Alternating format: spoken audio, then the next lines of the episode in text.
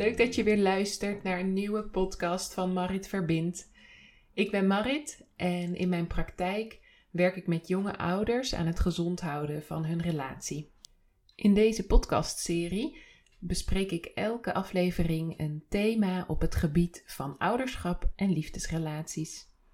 In deze aflevering vertel ik je hoe je ervoor kunt zorgen dat gebroken nachten je relatie niet in de weg gaan staan.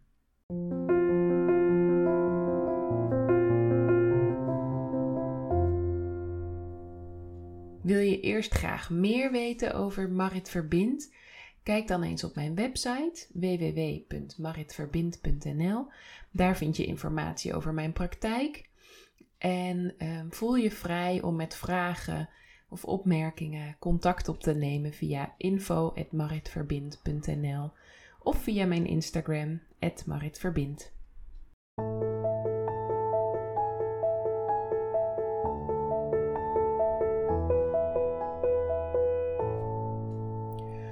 Hoe overleven we die gebroken nachten? Het is een veelgehoorde vraag van jonge ouders en een veel besproken onderwerp door ouders die eh, in verwachting zijn van hun eerste kindje. Voordat we kinderen krijgen, kunnen we ons vaak niet voorstellen hoe je ooit op zo weinig slaap ehm, de dag door moet komen. Veel jonge ouders benoemen dat ze het slaaptekort echt hadden onderschat. Dat ze nooit hadden kunnen bedenken dat het zo zou zijn. En tegelijkertijd ehm, is er ook vaak de ervaring dat we veel meer kunnen op veel minder slaap dan we ooit hadden gedacht. We willen dat ons kindje um, onvoorwaardelijke liefde en de allerbeste zorg ontvangt. En um, daardoor zijn we in staat over een heleboel meer grenzen te gaan dan we eerder misschien konden.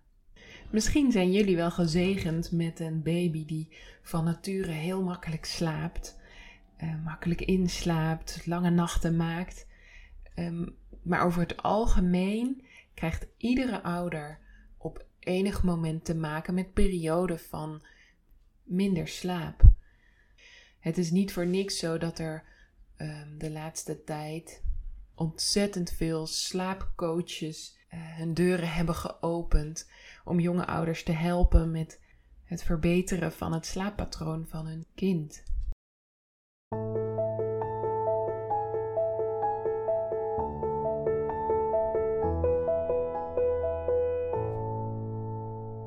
Ikzelf ben als moeder uh, zeker niet gezegend met een um, kind dat heel makkelijk slaapt. Gedurende het eerste jaar van onze dochter hebben we ontzettend geworsteld met hoe we haar in godsnaam makkelijker in slaap zouden kunnen krijgen, rustiger konden laten slapen.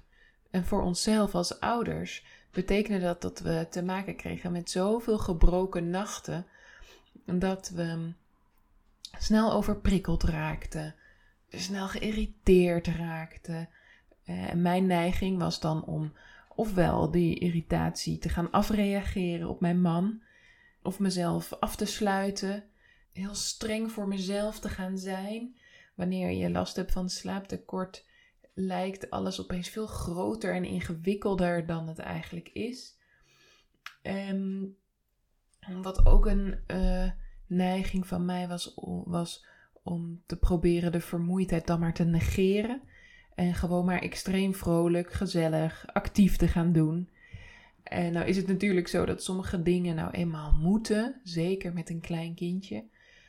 Maar het hielp me absoluut niet om op deze manier um, die vermoeidheid gewoon maar weg te drukken.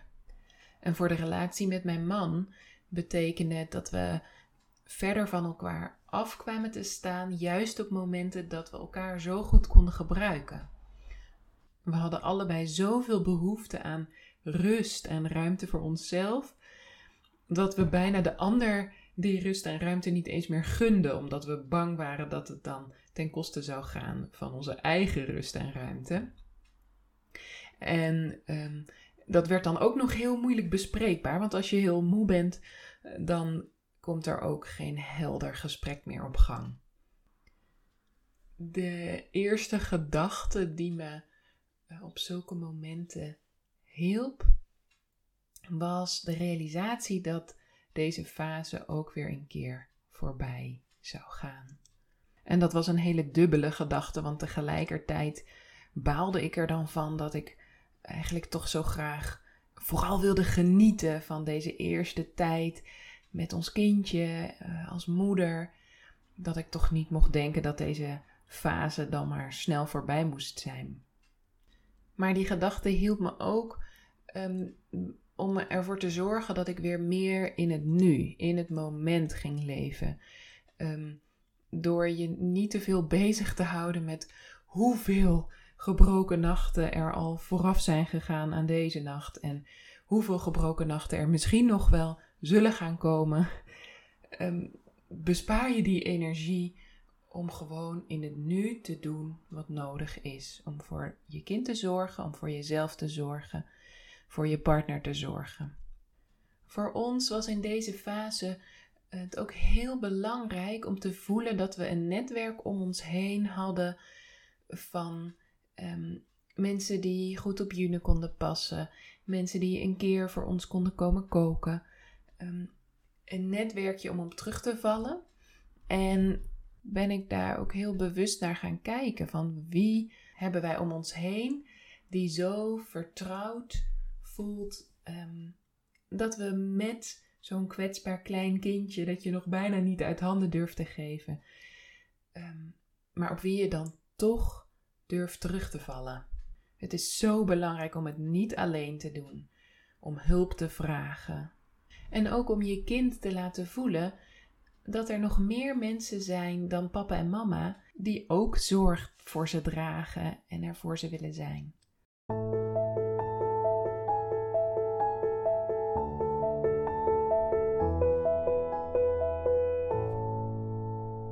Hoe zorg je er nou voor dat je ook op dagen dat je wel zelf voor je kind zorgt of misschien uh, moet werken, toch um, kunt leven met de vermoeidheid die er is. Er is natuurlijk de optie om te denken: weet je, ik neem een kop koffie, ik um, hou mezelf groot en um, kom maar op met de dag. En dan hou je dat uh, één dag vol, misschien twee, misschien zelfs drie. Maar daarna is je energie echt op en zul je moeten opladen op een of andere manier. Inmiddels kies ik er zelf voor om wat duurzamer met mijn energie om te gaan en ik wil je graag eh, meenemen in hoe ik dat doe. Ten eerste probeer ik toe te geven aan de vermoeidheid. En daarmee bedoel ik niet ga lekker op de bank liggen en doe niks meer of kruip in je bed en word pas weer wakker als je uitgerust bent. Nee, voel eens hoe je ruimte kunt maken voor dat vermoeide gevoel terwijl je vorm geeft aan de dag. Dus terwijl je aan het stofzuigen bent, kun je ook voelen dat je moe bent. En hoe maak je dan het stofzuigen voor jezelf toch nog een beetje comfortabel? Voorheen zou ik zo snel mogelijk de stofzuiger hebben gepakt, hem als een speer door de kamer hebben gehaald en de vermoeidheid hebben onderdrukt. Waarna ik op de bank zou zijn geploft en daar voorlopig niet meer vanaf zou zijn gekomen. Maar wat ik nu doe, is kijken van hoe kan ik nou stofzuigen terwijl ik in verbinding blijf met mezelf en de vermoeidheid die in mijzelf aanwezig is en in verbinding met mijn omgeving. Dus um, ik vind het bijvoorbeeld fijn om dan eerst eens even een fijn muziekje aan te zetten, um, een kopje thee klaar te zetten. Of als ik met mijn dochter ben, um, lekker samen te gaan stofzuigen, er iets prettigs van te maken, comfortabel. Op die manier maak ik ruimte voor mezelf, verweven in de dingen van alle dag. En dat betekent dat ik niet meer de behoefte voel om met mijn man de strijd aan te gaan van um, meer ruimte. Meer ruimte voor mezelf en hij meer ruimte voor hemzelf. Er is wel wat voor nodig om bij jezelf te kunnen blijven um, terwijl je uh, dingen als stofzuigen aan het doen bent. Het in verbinding blijven met jezelf vraagt om voldoende zelfzorg. En um, ik hoor vaak dat zelfzorg um, voor mensen betekent dat ze lekker eens even naar de kapper of de schoonheidsspecialist gaan, een massage boeken. Um, dat is heerlijk en dat moet je vooral doen.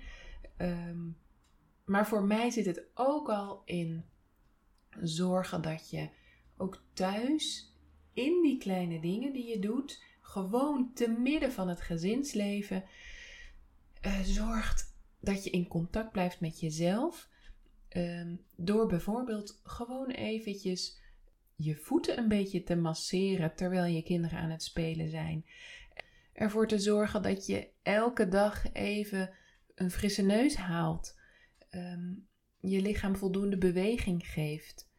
En ehm, het mooie is dat dat eigenlijk allemaal samen in verbinding met je kinderen kan. En je kinderen vragen automatisch je tempo dan een beetje te verlagen. Geef daar eens aan toe en kijk eens wat dat doet met je gevoel van vermoeidheid. Ik zelf merk dat ik in deze modus veel makkelijker contact hou met mijn partner en met mijn dochter. En me minder druk maak over of um, ik wel of niet goed slaap. Al is een nachtje doorslapen natuurlijk nooit verkeerd.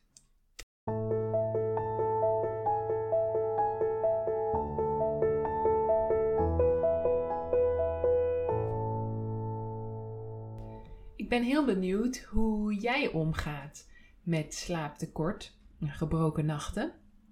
En um, ik hoor heel graag van je um, als je wat hebt gehad aan deze podcast, of als je juist graag nog wat meer uh, hulp zou krijgen bij hoe je nou met jezelf in verbinding blijft, um, zodat je in verbinding met je partner kunt blijven. Laat het me vooral weten via info.maritverbind.nl. En denk je nou dat je jonge ouders kent die ook wat zouden kunnen hebben aan deze podcast? Heel leuk als je hem dan deelt. Bedankt voor het luisteren en graag tot een volgende keer. Fijne dag!